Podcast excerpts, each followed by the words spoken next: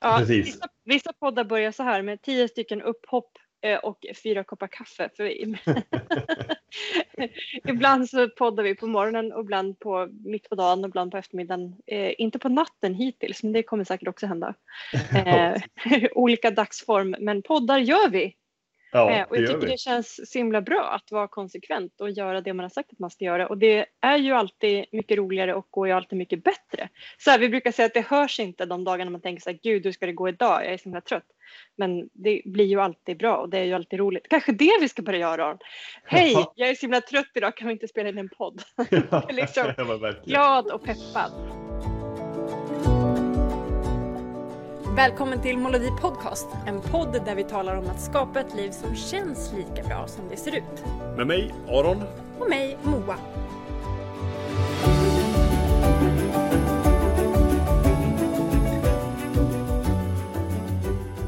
Men idag så ska vi faktiskt fortsätta ehm, där vi slutade sist, Mm. helt enkelt. Med, vi pratade om pengarädslor, eller saker ni borde prata om. Ja. i familjen, i kompisgänget, i parrelationen eh, överhuvudtaget. Bara för att ha lite koll på vilka pengarädslor som finns där. För vår erfarenhet är ju att de där rädslorna, om man inte är medveten om dem, att de ligger under och styr helt enkelt Precis. ens beteende. Och någonting som vi lovade i förra podden, det var ju att vi skulle vi vill, vi, vi vill ju ta vår egen medicin. att vi skulle ha en pengadejt med våra respektive partners. Har ni haft det, Aron? Jajamän, Mm. det har vi. Um, Grymt. vad var det vi sa? Ja, men bara en, en, en kort rapport då, utan att gå in på för mycket detaljer. Ja. Ehm, Nej, kan du dra eh, som netto? Precis. Jag har transkriberat det samtalet här som jag tänkte läsa upp. Ja. Nej, men, men inför, det var väl inte, eh, jag tycker inte att det är så tabubelagt ämne, så det var inga, liksom, ingen oro och spänning innan riktigt. Men Mm. det som kom fram av samtalet egentligen, det är vi fick syn på, det är ofta så när man pratar om saker oavsett om det eh, handlar om finansiella rädslor eller, eller andra funderingar, eh, så, så, eh, så får man ofta syn på saker när man pratar om det. Mm. Och vi märkte att vi hade lite olika idéer om ett par eh, sparmål.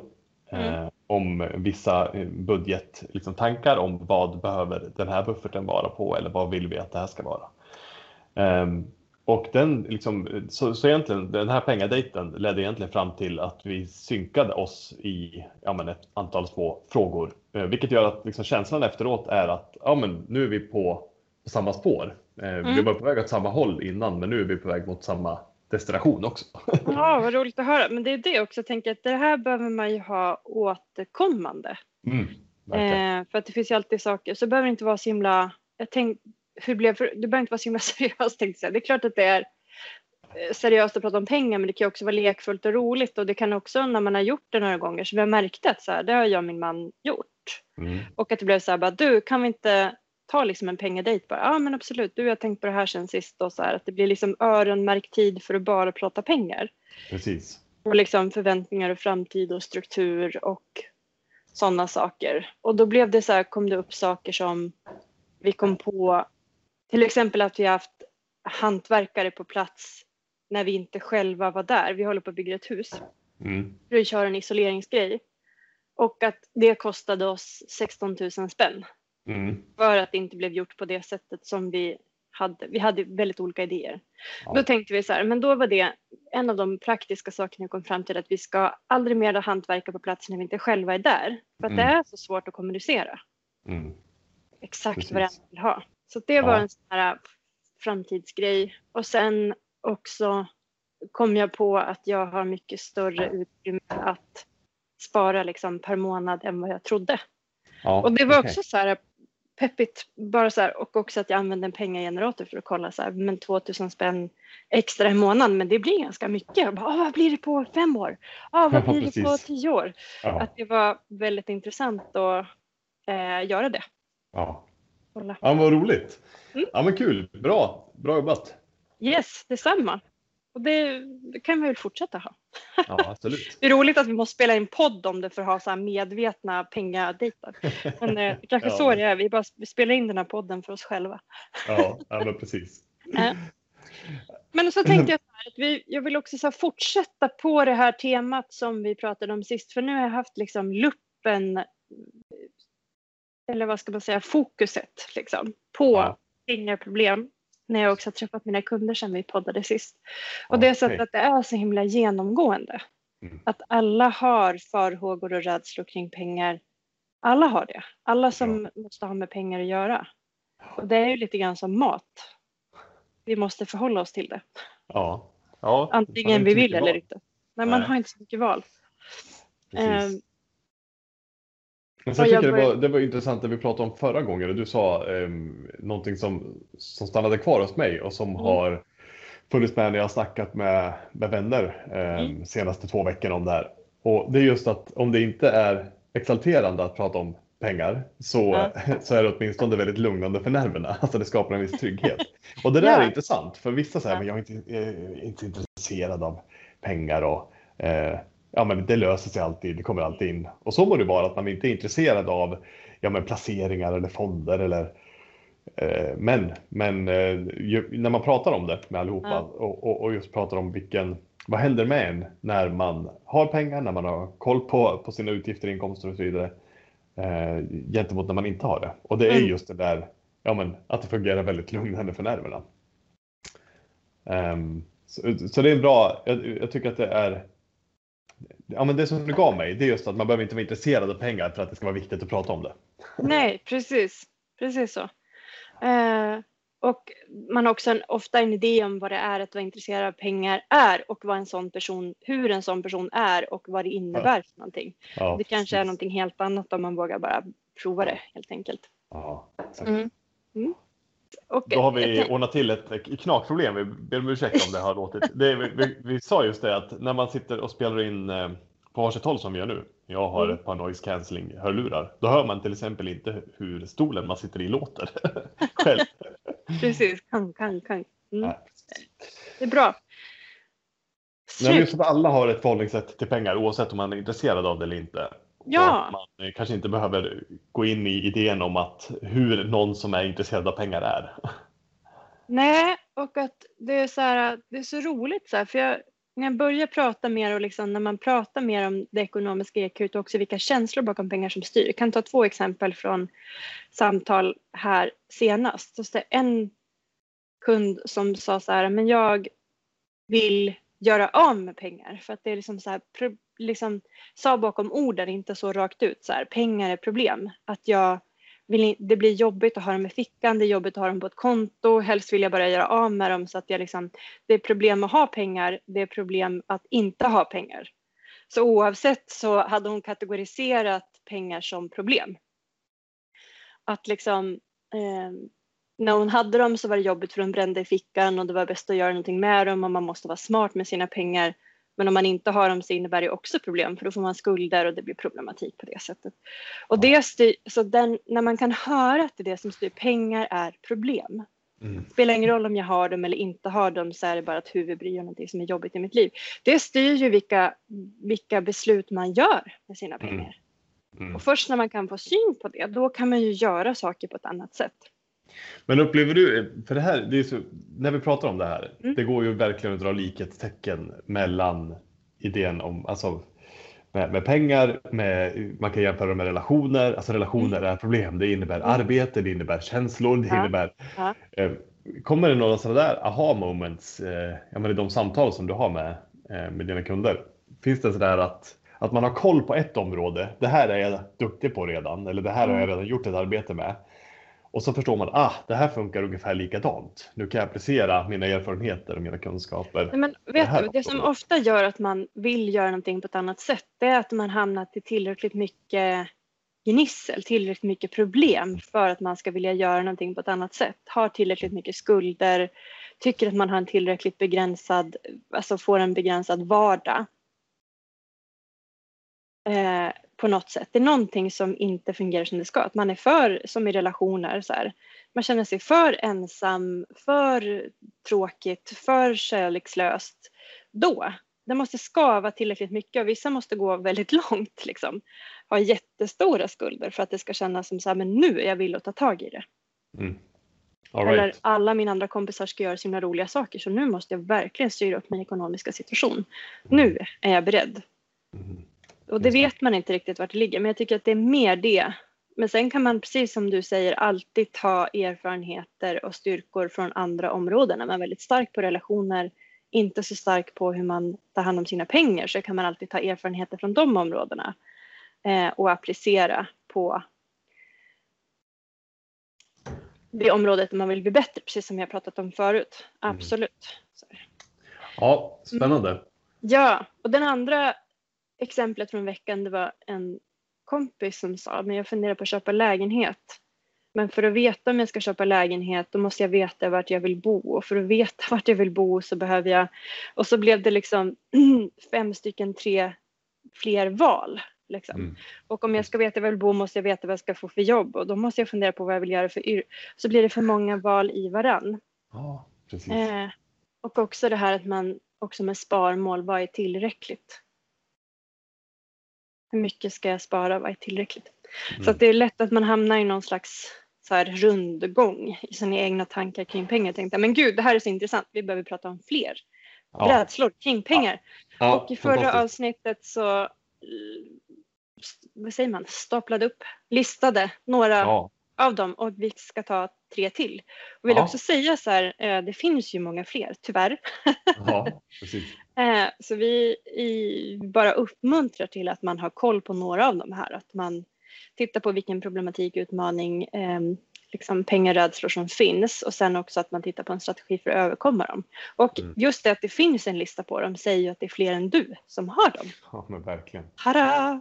Vi kan väl säga det, har man inte lyssnat på förra avsnittet så, så pratar vi där om eh, de rädslorna som är att man aldrig ska bli skuldfri, eh, att man inte är tillräckligt smart för att göra finansiella beslut, Mm. bra finansiella beslut, att man ska förlora jobbet och sen så pratar vi just det här att prata om pengar med sin partner. Eller måste inte vara partner, det kan vara en nära vän eller det kan vara någon som man har ett, ett nära samröre med. Mm. Eh, och det var där vi kom in på dagens uppgift också som vi pratade om här i början. Så Ja, de fyra områdena pratade vi om eh, förra podden. Visst. Ja, Så precis. det kan man ta och lyssna in på om man inte gjort det än. Mm. Så får man hela bilden och en liten introduktion till, till ämnet. Yeah. Och nu Mm. ska vi då prata om, som ligger ganska nära det här att eh, förlora jobbet. Mm. Rädslan att man ska bli oförmögen att arbeta. Ja. Ehm, och jag tänker så här, kollade på det där, var kommer det ifrån? För att ofta är det ju personer som är arbetsföra och som har ett bra jobb som har den där rädslan. Mm. Ehm, men så tänkte jag, drog, det kanske känns irrationellt, så drog jag bara en så snabb googling på statistik för långtidssjukskrivning till exempel. Ehm, och när man kollade på det, bland de som var etablerade på arbetsmarknaden 2000, då tog jag, då tog jag studenten. Så då började jag jobba mer så här, eh, vad ska man säga, jag hade ströjobb innan och så här lovjobb. Började jobba mer på ett annat sätt. Och då var liksom, jag tänker också att det är skillnad mellan könen. Då tittar man på så här långtidssjukskrivning att det var dubbelt så stort, nästan 1,85 procent högre för kvinnor än för män. Mm. Eh, och också det man också tittar på när man kollar på statistik det är ju att sjukfrånvaron på jobbet ökar i takt med åldern. Att det är välkänt. Det blir så. Mm. Ja. Förslitningsskador och ja, det, kan, det händer saker i livet helt enkelt. Mm. Så det är ju en reell rädsla. Ja. Så att det kan man också så här att landa i den rädslan också faktiskt titta på, är den adekvat? För ibland kan det vara så också, men nu får jag sluta oroa mig. Man bara liksom lämnar det, försöker lägga det åt sidan. Ja. Så här, men det finns en reell rädsla och är man kvinna så är chansen större, eller lever du med en kvinna så är chansen större att eh, liksom, den partnern kanske blir sjukskriven någon gång. Och det kan vara bra att ha en eh, ekonomisk buffert för att eh, klara av en sån helt enkelt. Mm. Eh, var- Mm. Jag tycker ofta när man, när man snackar om det där, särskilt när man pratar med folk i, i alltså när man är i arbetsför ålder, ja, man, man mår bra, man jobbar, det kommer alltid nya pengar och så vidare. Då, eh, jag upplever ofta att, att folk uttrycker liksom att de har en... Eh, det är svårt att motivera sig att samla ihop en massa pengar som man kan göra massa roliga saker för. ja, ja och istället så här, samla ihop dem där eh, som man förmodligen inte eller ska behöva använda. Och då ligger de ju bara där. Men jag har, alltså jag har inte varit sjuk på tio år. Eh, jag blir bara lite förkyld och sen blir det bra igen. ja. Alltså, vi skulle kunna åka på den här semestern, eller vi skulle kunna köpa den här båten, vi skulle kunna betala av det här lånet med de här pengarna.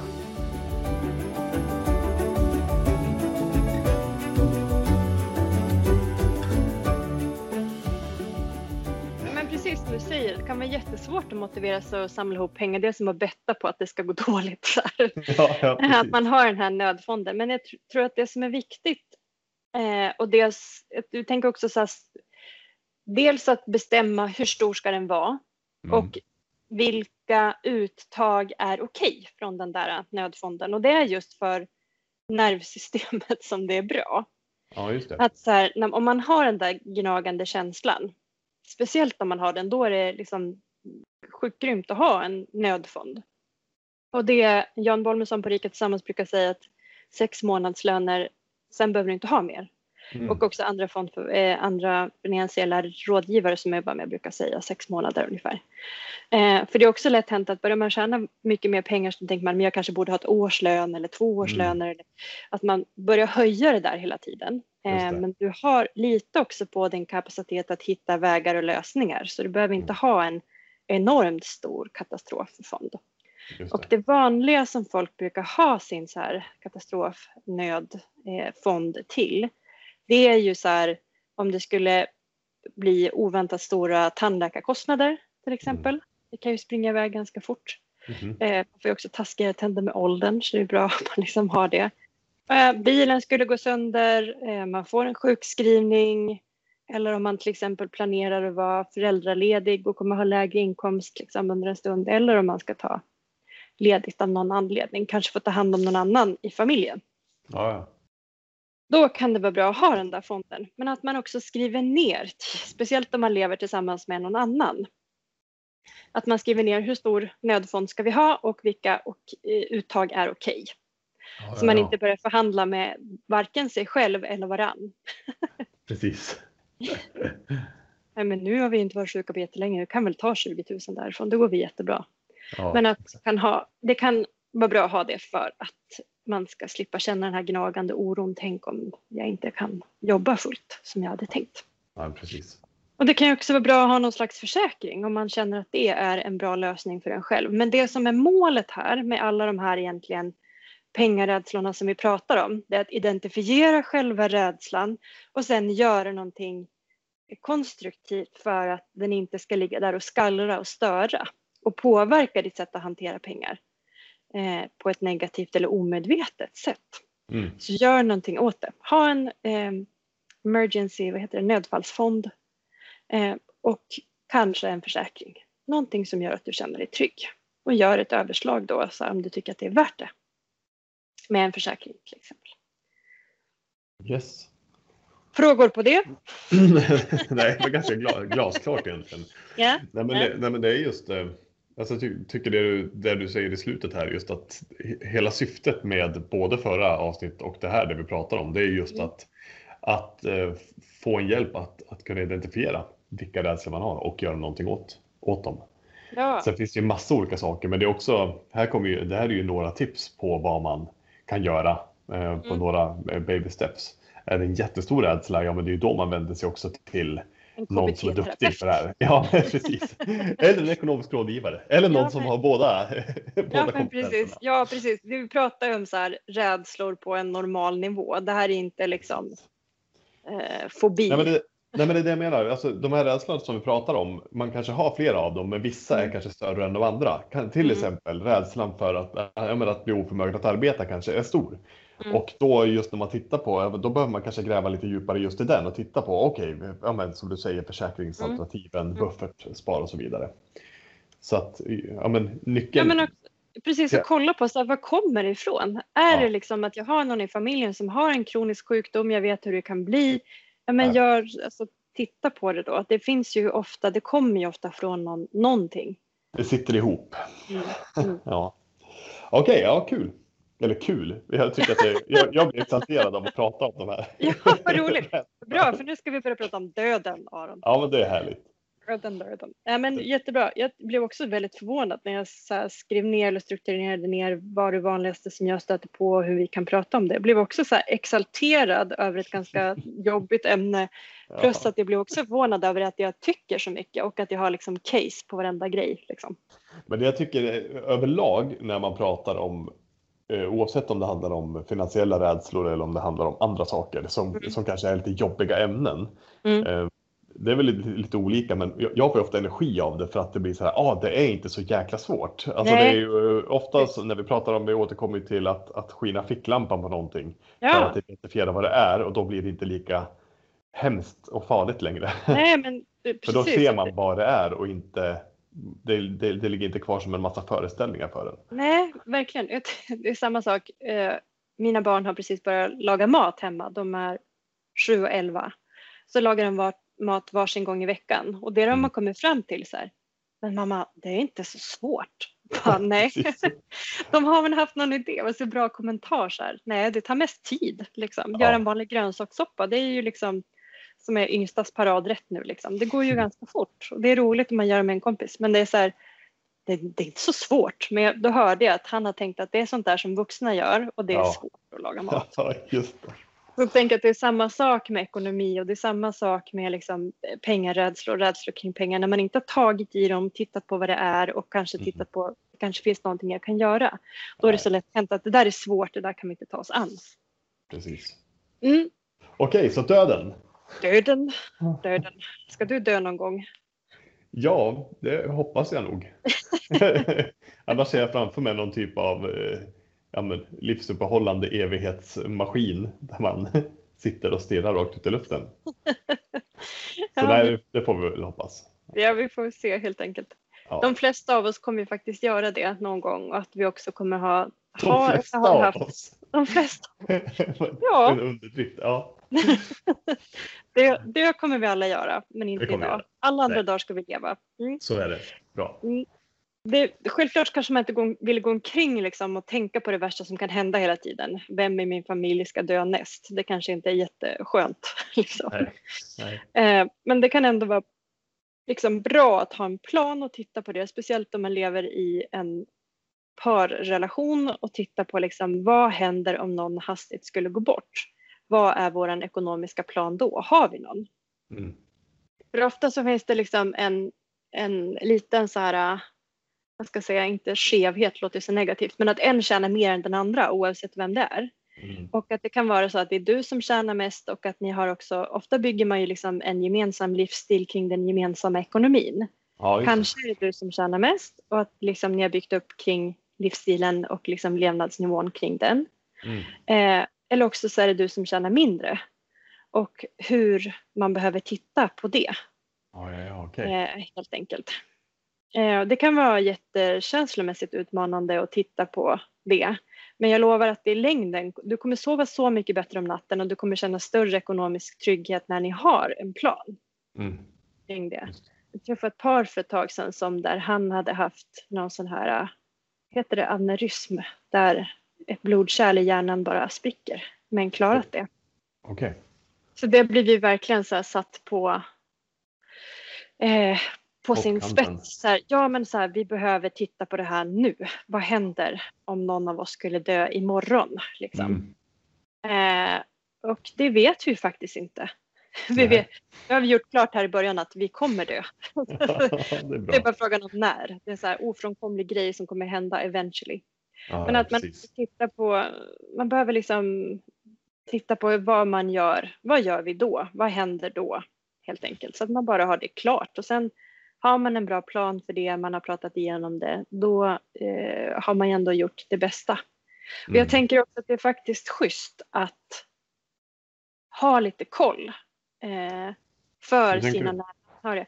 Men jag tänker ja. den första punkten vad man kan göra för någonting om man är rädd för att någon ska gå bort eller om man känner så här, det här känns jobbigt.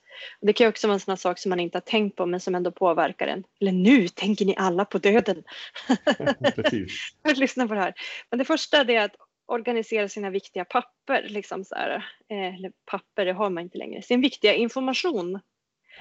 Eh, försäkringsinformation, fullmakter. Eh, ringde min kompis igår bara, som är singel och bara hjälp, du måste sammanställa din information. Vart får vi tag på dina bitcoin? Om du skulle gå bort så här, var- vart har du dina pengar någonstans och hur funkar det och liksom, du för försäkringar och så här för att eftersom man inte lever i en parrelation just nu. Då Just det. tänker jag att det är faktiskt schysst. Så här, Sjukt jobbigt för dina anhöriga att lösa allt det där som liksom någon himla Sherlock Holmes Ja, eh, medans man är i sorg. Mm. Verkligen. Liksom. Så se bara en sån enkel sak som bank-id-koden. Liksom. Vilken kod har Ja. du till bank-id så man kan Ja. komma in och... Precis, Mm. det måste inte vara någonting som någon annan liksom, syskon, granne, liksom partner har tillgång till hela tiden. Nej. Men så här, det finns ett förseglat kuvert här eller det finns liksom eh, det här liksom digitala valvet här. Mm. Finns Precis. Det finns lösningar, jag lovar dig. Mhm. Så titta, titta på det. Um, som vi i vår familj, om vi ska ge ett konkret tips där, så har vi så här one password. Det är också det, man bara tänker så här, det är därför det finns digitala begravningsentreprenörer nu för tiden som så Ja, kan begrava en online. Man tänker så här, hur många inlogg har du Aron? Ja, men precis. Vi kan kort säga det. One Password är alltså en lösenordshanterare, men som också Ja. fungerar som ett digitalt valv. Ja, Eh, och vi har valt den eh, just för att nu har jag inte dubbelkollat om det fortfarande är så, men när vi skaffade det så hade de sina servrar i Sverige så de följer alltså svenska GDPR-lagar och så vidare. Mm. Eh, därför valde vi det. Och det är ett sånt där där man kan spara all viktig information. mm, och det är krypterat och väldigt säkert. mm. Så kan man ha ett familjevalv så att skulle det hända något så kan Ja, man det- Det var nödlösa. det vi kom på, när vi kom på den där, bara hjälp! Ja, men Det precis. spelar ingen roll liksom vem, om det är någon av oss i familjen som skulle gå bort. Liksom. Vad, vad Mm. 17 händer då? Liksom? Att det blir sånt himla arbete. Ja, Ja. så det är en sak. Organisera din viktiga information och att det är faktiskt Mm. någonting som är schysst att göra. Ja, Ehm, men också prata med din partner om så här, vill du ha eller vill du inte ha en livsförsäkring? Ehm, och också ta det beslutet. Oavsett vad man bestämmer så gör ett medvetet beslut. Gemensamt eller själv, hur ni nu vill Mm. lägga upp det. Men också så informera om så här jag tänkt, så här vill jag ha det. Mm. Och sen den sista punkten är ju testamente. Faktiskt även om man är ung. Eh, att pra, ursäkta, prata om eller skriva ner. Mm. Eh, vad är viktigt? Vad är inte viktigt? Tala om för det. Eh, och också kanske så här arv. Vem vill jag ska få mina grejer eller om jag har liksom eh, kapital också. Ja, men precis. Och titta på vad, ja men precis, titta på vilken nivå man väl, vill lägga det på och titta Mm. på den nuvarande situationen jag har oavsett om man lever själv, om man är sambo eller om man är gift så, så är det olika typer av automatiska fördelningar som, eh, som eh, tillämpas om man skulle Mm. gå bort. Då. Ja, så läs, så skriv ner och sen så tänker jag läs på. Vad är det som Ja. gäller? Precis. Eh, och se till att den informationen också finns tillgänglig och att det kanske är fler än en som har den informationen också. Och det finns ju också det finns tjänster Ja. där man kan ta hjälp av det. Precis. Bra! Så jag tänker det kan också göra att man känner sig tryggare med den här rädslan för att den nära anhörig ska dö. Om den ekonomiska rädslan för att någon nära anhörig ska dö. Ja. Vad händer då? Behöver jag också så ställa om min livsstil? Kommer det innebära, vad behöver jag tänka på då? Att man bara så här har tänkt ett varv till så att det också så här, det kan så att inte hjärnan varvar på så här, vad händer då, vad kommer hända då, vad kommer hända då, vad kommer hända då? Nej men precis, så, så oavsett vad man väljer, till exempel om man äger en fastighet tillsammans, har jag råd att bo kvar? Att man bara har koll på de bitarna innan. Mm. Eh, ja, ja all, allt för att... Ja, men också så här, kommer jag kunna leva på den här nivån, liksom ha de här utgifterna per månad om min eh, spouse, vad heter det, partner dör Mm. Ja, precis. helt enkelt. Vad händer då? Att då har man så här bäddat lite grann. Bra, vi behöver inte gå in mer på döden. Döden, Men men, den ekonomiska rädslan för att den andra ska dö. Sen kan man ju ha massa andra rädslor för vad som händer om den andra personen dör. Liksom. Ja, men precis. Vad tänkte du? Nej, jag tänkte på en, en segway över till nästa ämne. Och det är inte alltid man dör bara för att man ska separeras. Det är inte det enda sättet man kan eh, få en förändrad levnadssituation. Nej. Nej. Krystad segway. Varsågod. Ja, precis. Sen kan man ju också skilja sig. Eh, ja, eh, så är det. Ja, och de allra flesta känner ju någon som har skilt sig och att det faktiskt kan innebära eh, att det faktiskt kostar lite pengar. Mm. Mm, och att man från har varit två som har delat på kostnaderna nu är ensam och att man kanske behöver köpa ut den andra parten från nuvarande bostad, båt, sommarstuga. Eh, och att det är någon annan uppdelning som måste till helt enkelt. Just. Eh, ja, att du kanske har ganska stor chans att du känner någon vars liksom, ekonomi har förändrats till det negativa när man har gått igenom en skilsmässa. Mm. Eh, och det är ju, om vi bara pratar om ekonomin, sen är det alltid emotionella känslomässiga arbetet runt det, men att ekonomin blir påverkad ja, eh, är ju ofrånkomligt. Ja men absolut och det är väl också i och med att det är ett, ett ämne som är förknippat med känslor och i, i, i många fall rädslor eh, mm. och, och, och, lite obehag för många så, så blir det ofta ännu mer känsligt att hantera i en sån situation. Alltså man både ska hantera ja ja, men den livsförändring som en, som en mm. separation mm. eller skilsmässa innebär. Men dessutom då eh, börja fundera på hur fasen löser vi det här med, med ekonomin. Ja, det, det, är ju schysst mot både sig själv och varandra och möjligheten att komma ur det på ett bra sätt. Ja, om man faktiskt har gjort en plan innan. Ja, och jag tänker att det är mycket lättare att göra en plan medan man är sans. Mm. Ja, det, ja. Det, det kanske inte, det är inte roligt att tänka på en skilsmässa innan man ska gifta sig. Du ska ju gifta dig i år. Eh, då tänker jag att det är inte kul att tänka på. Vi har redan börjat planera skilsmässan. ja. ja. Nej, men definitivt. Nej, men att, att, bara vara överens om vad, alltså vilken. Uh, nej, men vara, vara överens om det ekonomiska upplägget. Det Och kanske in man... case of emergency. Ja, precis. Det kanske man inte alltid kan vara. Nej. Men, mm. men jag tänker så här, det man kan göra från början, det är så här, varför jag tycker man ska prata om skilsmässa innan. Innan man skiljer sig. Man, prata om, man kan inte bara gå skilda vägar. Nej. Nej men så här, det är ofta, det är så här, det jag vill egentligen bädda för som jag har hört flera gånger, eh, eh, så här, varför är min partner gift med mig? Är det för att han eller hon måste ekonomiskt? Mm. Det blir för stor konsekvens ekonomiskt så att han eller hon är inte villig att ta det, därför är han eller hon kvar. Mm-hmm. Eh, kanske man vill ha det så för att ha det som en hållhake så att den andra inte kan lämna en. Men, men det är inte kul eh, för dem som har det så. För att det blir liksom en ganska självförtroende tapp att man ens har den rädslan. Sen så kanske inte det alls stämmer. Ofta så stämmer det inte. Så menar man, eh, undrar om den här personen, om, fortsätter vi vara gifta? Ja, för han eller hon har inte råd att skilja sig från mig. Och jag vet också de som har skilt sig när de har fått råd. Mm. Okay. Jag tänker så här, eh, om vi bara tar det från början så här, prata om det.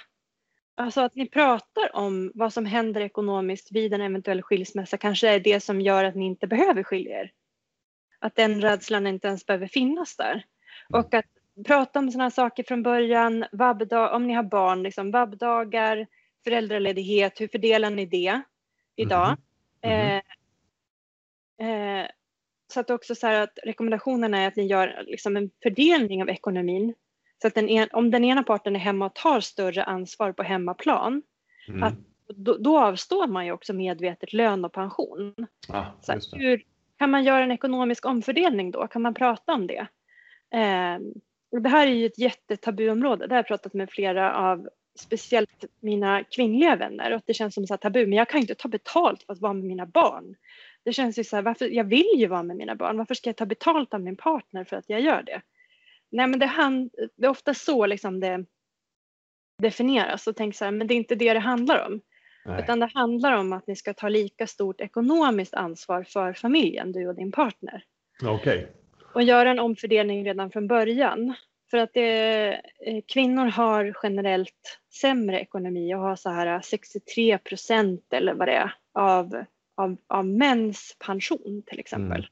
Det beror ju bland annat på det att fortfarande eh, så är det kvinnor i större utsträckning som tar föräldraledighet, jobbar deltid eh, och också maskerar det som nej men det var ett eget val jag gjorde. Så. Just det. Ja, och det precis, kanske och också blir det logiska i en relation också. Om det är den ena som tjänar mindre, men då tänker man nu jobbar jag mer så tar du mer ansvar hemma, då tjänar vi tillsammans mer pengar. Mm, mm. Men man behöver också göra den där omfördelningen så att det också blir juridiskt eh, ja, bådas. Så att i längden. och jag tänker att det kanske ja men det är ingen av er, jag lovar, det är ingen av er som längre fram i relationen vill sitta och fundera på om, den, om min partner stannar kvar i förhållandet bara för att hen måste ekonomiskt. Nej, precis. Inte för att hen vill. Nej. Så se till att ni inte hamnar i den situationen. Liksom. Nej, men precis. Mm. Och Se till att gång- ni kan gå skilda vägar om ni vill det. Det är Mm. kanske det som gör att ni inte gör det. Ja, men precis. Och och det är gemensamt för de här tre områdena som vi har pratat om nu. Det är precis det som, som, som vi pratade om i början. Att det, det måste inte alltid vara exalterande att prata om, men det fungerar jäkligt lugnande Mm. på, på nervsystemet. Mm. Det vi nu var inne på också, alltså att det kan, det kan funka som en, som en nervlugnande i relationen. Mm. Det är ju hur värdefullt som helst. Mm. Att bara ta bort sådana ja, men, orosmoment. Mm. Eliminera dem innan de uppstår. Ja, precis. Så jag tänker också så här framåt att det finns ju fler rädslor eh, kring, kring pengar. Absolut. Och så här, bara titta på vad har vi för rädslor kring pengar? Bara det ha modet att göra det och bara sitta och skriva ner. Men det här tycker jag är jobbigt. Det här är en återkommande tanke. Det här stör mig. Det här är grus i maskineriet. Försök att definiera det. Om, kan du inte, kan du inte kan du, kan du, nu har kick, eh, kaffet kickat in. Underbart. Ja. Eh, eh, Det kommer bli ett eftersnack på den här. precis. 120. Ja men då eh, ta hjälp av någon annan. Bara så här prata med en vän och bara kan jag få bara prata tio minuter om mina rädslor kring pengar och så kan du säga tillbaka till mig vad det är jag säger. För det är ofta lättare när man är den som lyssnar och sortera. Vad är du mer rädd för? Vad är du mer rädd för? Ja, men jag tänker på de här sakerna. Jag tycker det här är obehagligt. Det här vill jag, vad är det du inte vill prata om? Det här vill jag inte prata om. Det här tycker jag är Nej. jobbigt. Eh, det här känner jag att jag inte har koll på. Jag känner mig förvirrad kan också vara. Jag känner mig förvirrad kring pengar på det här sättet. Bara så här, skjut massa sådana frågor liksom, Ja. till varandra så att ni kanske får tag på det. För ju bättre man får tag på de här liksom, odefinierbara formerna i dimman desto Mm. lättare blir det att definiera vad det är för någonting och sen göra en strategi för att överkomma det. Just det. Och ta hjälp. Ta hjälp ja, precis. Av någon i din närhet som du litar på, som du känner stöd av, av någon som faktiskt eh, jobbar med det du behöver hjälp med. Ja. Professionell hjälp. Det var det. Grymt. Det Rädslor. var det. Rädslor. Ja, precis. Skulle kunna ha fyra poddar till. Men nu sätter vi stopp där tror jag. Yes. Ja, Du nu, är nu är det nog nog med med rädslor. det jobbiga. Ja. Ja, Vi ska precis. faktiskt prata rädslor mer generellt i nästa podd också. Ja, men det ska vi. Precis. Eh, men, men hur det styr oss lite grann ehm, så vi får större koll på det. Ja. För det, rädslor är så läskigt förstår du så det vill vi inte ens tänka på. Nej, härligt. Mm. Ser fram emot eh, att fortsätta prata om rädslor. Perfekt. Bu, Ja, bu. bu! Fantastiskt avslut på podden. En liten sån skrämsel. Bu. Underbart. Men tack för idag. Tack Vi själv. hörs igen om två veckor. Det gör vi. Toppen. Okej. Hej hej. Ciao!